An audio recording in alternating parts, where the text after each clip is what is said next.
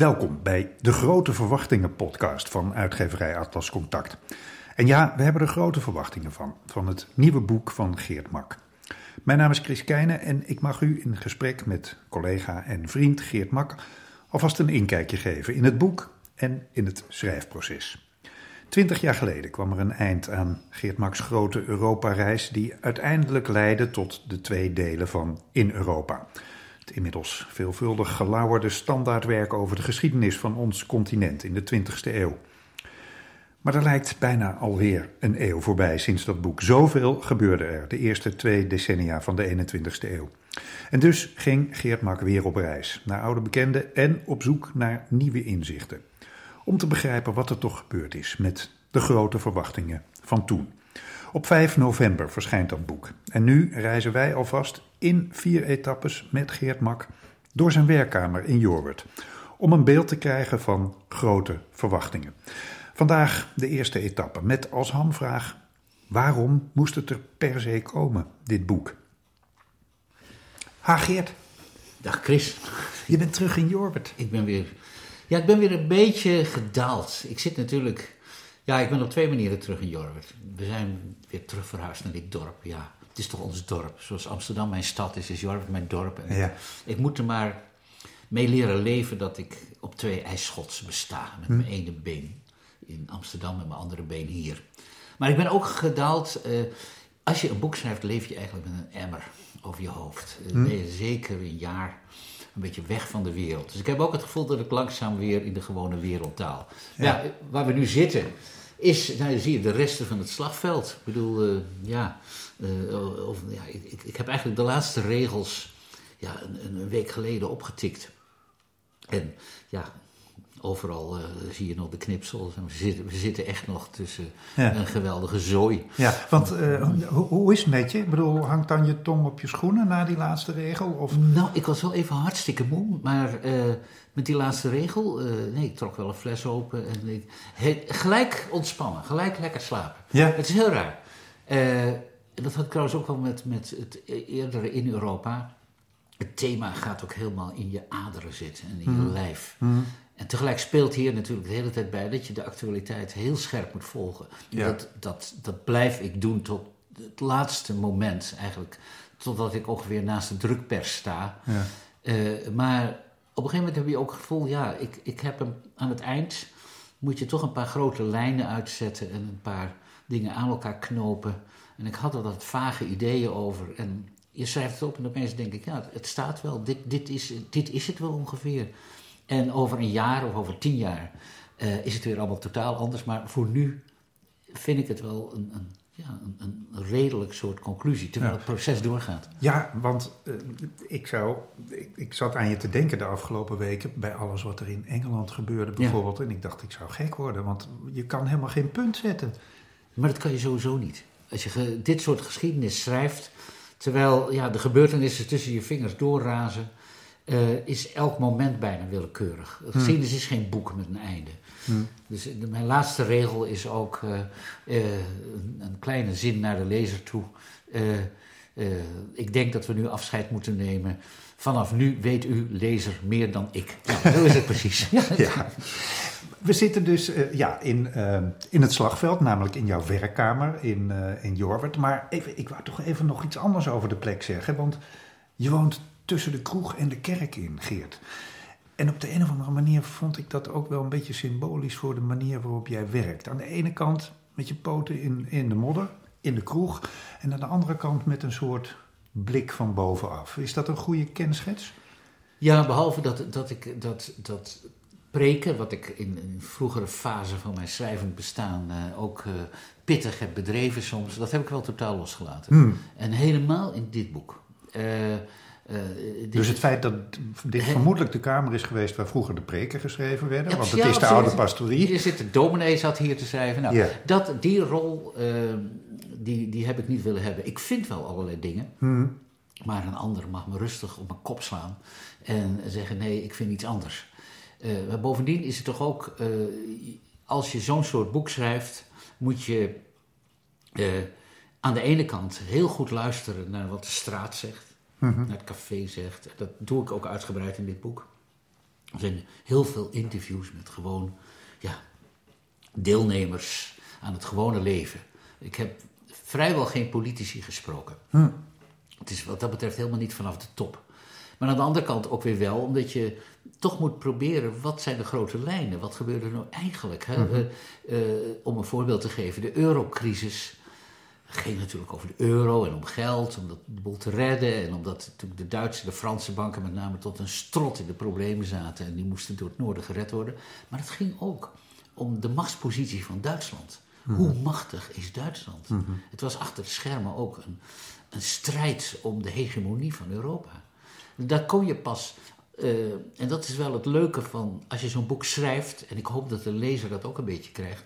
Je zet dingen op een rijtje. En daardoor krijg je toch wel, zie je wat meer bredere uh, perspectieven, grotere lijnen, meer de context. En uh, dat maakt het ook heel spannend. Meer dan ik als krantenlezer, zal ik maar zeggen.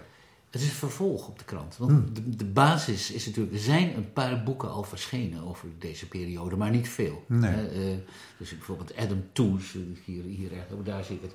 Uh, dat is gewoon... Ja, je wijst nu op, op, op de, boekenkast. ja, die, daar staat hij. Link, links van mij. Ja, dat is een fantastisch boek al over de grote crisis van 2008 en de eurocrisis. Echt al een briljante... Ehm, ja, dat ik zeg geschiedenis van financiële geschiedenis. Of van onze eigen Luc van Middelaar. Hè, uh, Voormalig assistent van Van Rompuy. Ja, maar zeer internationaal. En van Bolkestein trouwens. Ja, ook, maar een, vooral nu een internationaal erkend Europa-expert. Die mhm. op hele korte termijn echt een voortreffelijk boek geschreven heeft over de laatste politieke ontwikkelingen.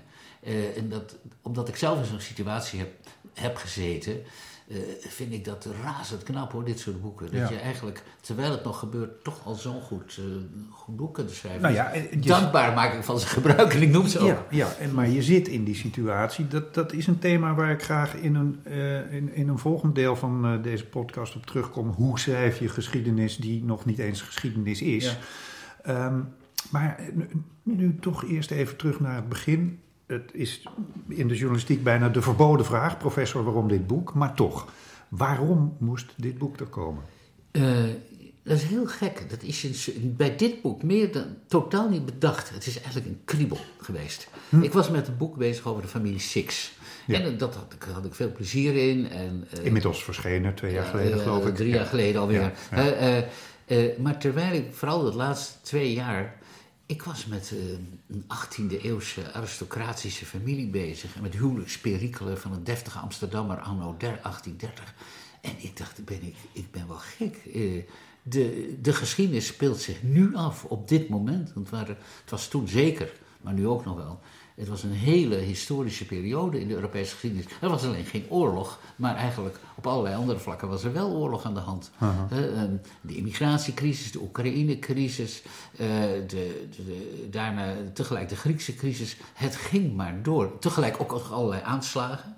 Hm. Eh, ik dacht, ja, ik, ik moet uit die historische studeerkamer uit. Ik moet de straat weer op. Dus het was een, ik kunt zeggen, een instinctmatig gevoel van van de oude journalist die ik toch ook ben. Dus ik ben voor een groot deel toch ook weer gewoon journalistiek gaan bedrijven, omdat uh, ja, het huis van de buren stond in brand. Ja.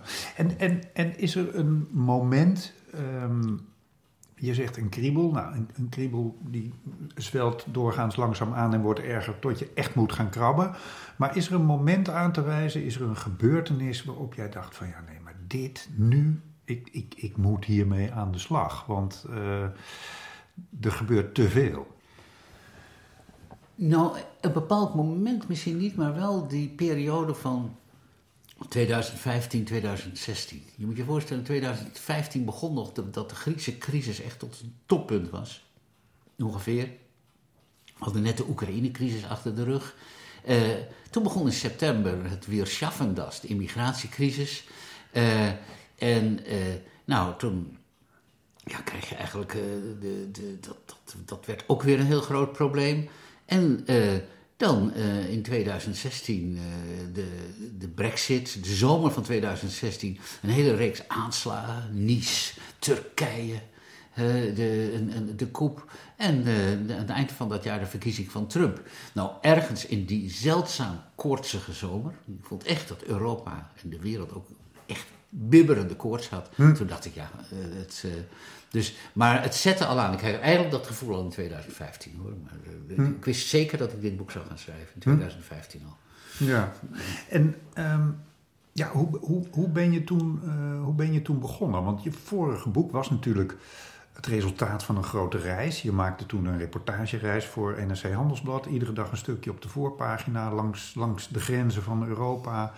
Uh, om te kijken hoe het continent er na een eeuw, hè, in de aanloop naar, naar de eeuwwisseling, bijlag. Hoe, hoe ben je dit gaan doen? Want uh, ben je weer net zoveel gaan reizen? Wat ben je gaan doen? Nee, het is, het, is, het is toch in die zin wel heel anders. De, de, het eerste in Europa was gebaseerd op een, een, een jaar lang gewoon op reis. En, uh, en daaromheen, daarna heb ik eigenlijk pas die geschiedenis geschreven. De, de, het was ook ooit bedoeld als een inspectiereis van het continent aan het eind van de 20e eeuw. Mm -hmm. uh, en dat is veel uitvoeriger geworden dan ik ooit van plan was. Uh, en ja, want je bent de hele eeuw gaan beschrijven. Dat was, was misschien niet eens van het begin van Die eeuw was wel de bedoeling. Die hmm, inspectie was wel, maar uh, de, de, historische kant is veel, veel sterker geworden. Ja. Uh, hier is misschien, kan ik zeggen, het omgekeerde. Hier ben ik al begonnen met uh, het, een, het, het, schrijven van een soort outline. Wat, zou, wat zijn de essentiële momenten in deze periode? En van daaruit ben ik aan het reizen geslagen. Hmm. Dus ik, ik, ik, wist, ik wil daarheen en ik wil daarheen en ik wil met die praten en met die praten. En bovendien wilde ik met een stel hoofdfiguren uit mijn vorige boek nog praten. Hoe het met ze, hoe het ze vergaan was. Hoe ze het meegemaakt, deze periode had meegemaakt. Dus ik heb uh, lang niet zoveel rondgereisd, maar veel meer vanuit Nederland uh, reizen gemaakt over kleine rondreisjes door Engeland, door Duitsland, door de Balkan. Uh, uh, dit keer ook Noorwegen. Uh, het boek begint in Kirkenes, het uiterste puntje. Waarom begint het boek in Kirkenes, in het uiterste puntje? Nou, omdat, het, omdat dat gek genoeg een heel centrale plek is. Uh, daar, daar, daar, daar gaat van alles gebeuren. Dat, dus, door de klimaatverandering uh, komt, wordt opeens die pool toegankelijk. Uh, Chinezen, Russen, iedereen is daar bezig, ook met die nieuwe doorvaartroutes. De burgemeester van Kirkenes vertelde me dat hij twee keer per week een Chinese delegatie langs krijgt. Dat het een gat van niks is. het is namelijk over um, tien jaar ligt dit heel centraal in de, in de nieuwe route tussen Shanghai en Rotterdam, om zo te zeggen. Uh, bovendien is daar de grens met Rusland. Die is er gewoon een, letterlijk een steenworp afstand of zo. Mhm. Dus de, de verhouding tussen die Noren en die Russen is daar ook, is, uh, was lange tijd redelijk vriendschappelijk. Maar die, zoals ze daar terecht zeggen.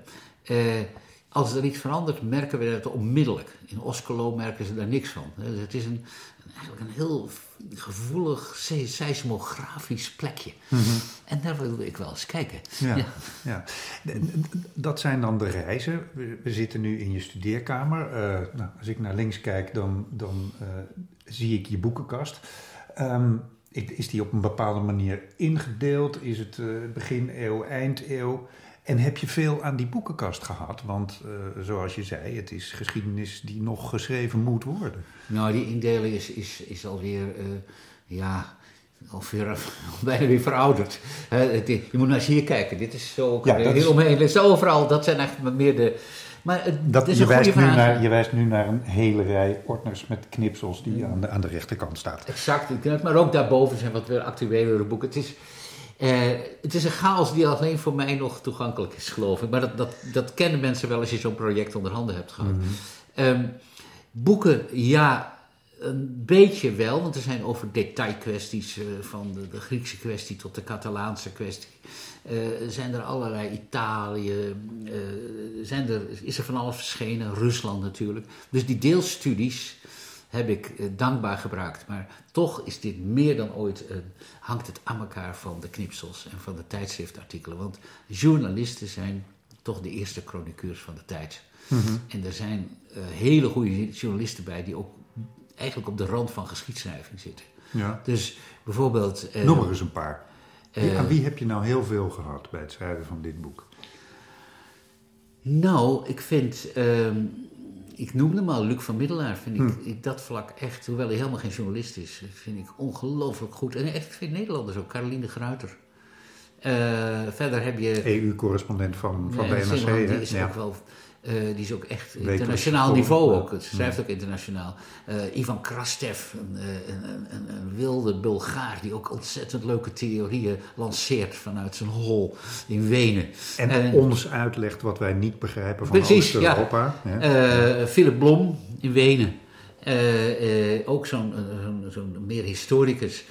natuurlijk Timothy Garton Ash in Oxford. Echt een, echt een hele goede Europa-kenner.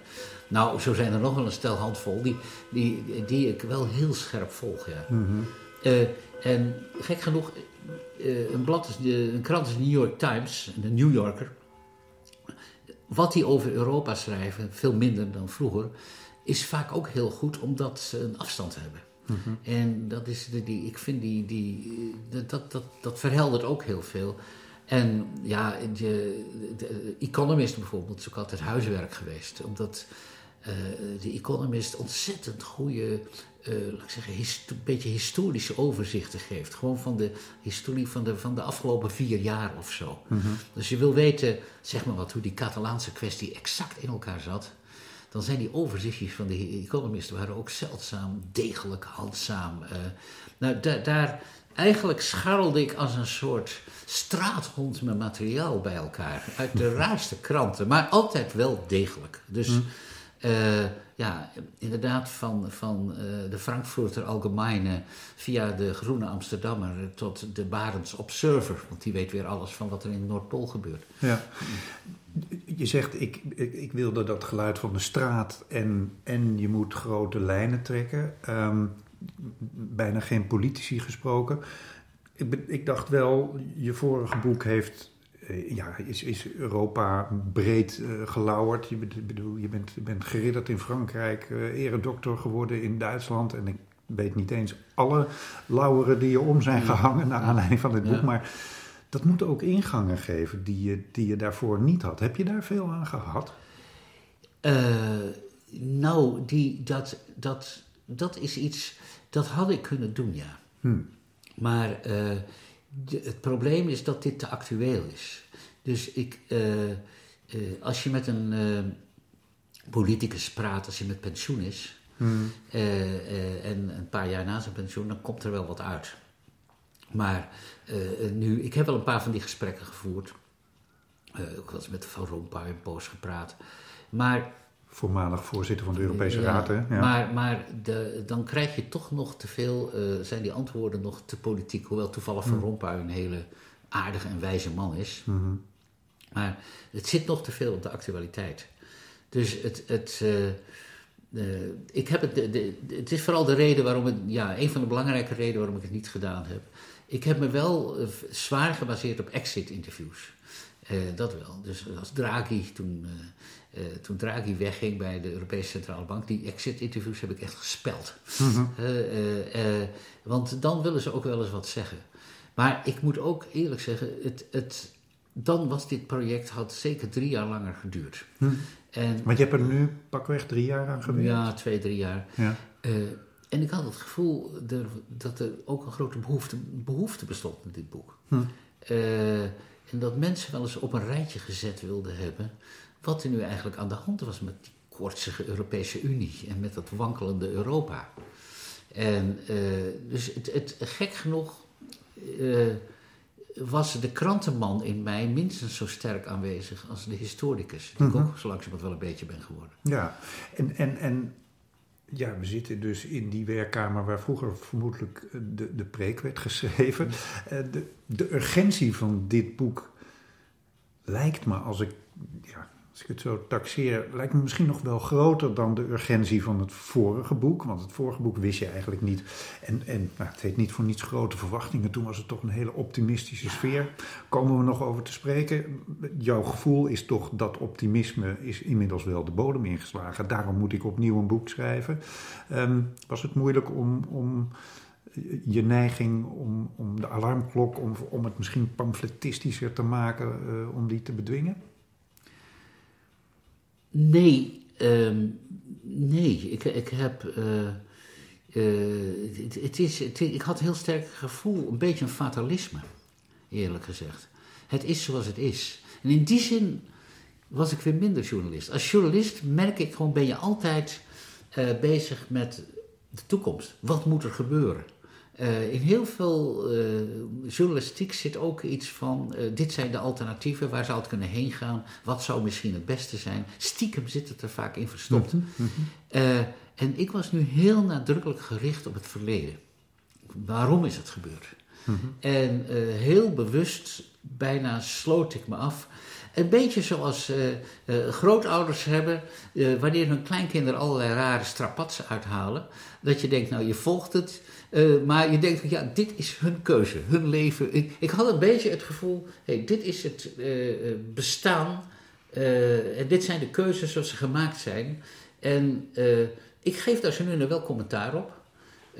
maar daar heb ik lang gewoon over nagedacht. Dat is niet het commentaar van iemand die roept: Oh, zo moet de wereld er nu gaan uitzien. Die kant moet het op. Maar het is onvermijdelijk dat, dat, dat je, je gevoel, als je alles ziet, uh, zorgelijk is. Uh, en dat je bijvoorbeeld, een, ja, je ziet gewoon allerlei systemen die zijn aangelegd aan het eind van de 20e eeuw om de wereld en met name Europa in balans te houden en ervoor te zorgen dat de dingen niet uit de klauw lopen, die worden in rap tempo afgebroken. Alleen al dat. Je weet niet wat, daar, wat daaruit voort gaat komen. Maar alleen, is, alleen al dat is bijvoorbeeld buitengewoon zorgelijk. Ja. Maar ik ga niet opschrijven dat ik het zorgelijk vind. Ik constateer het alleen maar. Ja. We praten volgende keer verder, Geert. Dit was deel 1 van de Grote Verwachtingen podcast van uitgeverij Atlas Contact. En het nieuwe boek van Geert Mak, Grote Verwachtingen, verschijnt op 5 november. Bedankt voor nu, maar luister vooral ook naar deel 2 van deze podcast. Met dan als hoofdvraag: hoe doe je dat eigenlijk? Geschiedenis beschrijven die nog in ontwikkeling is.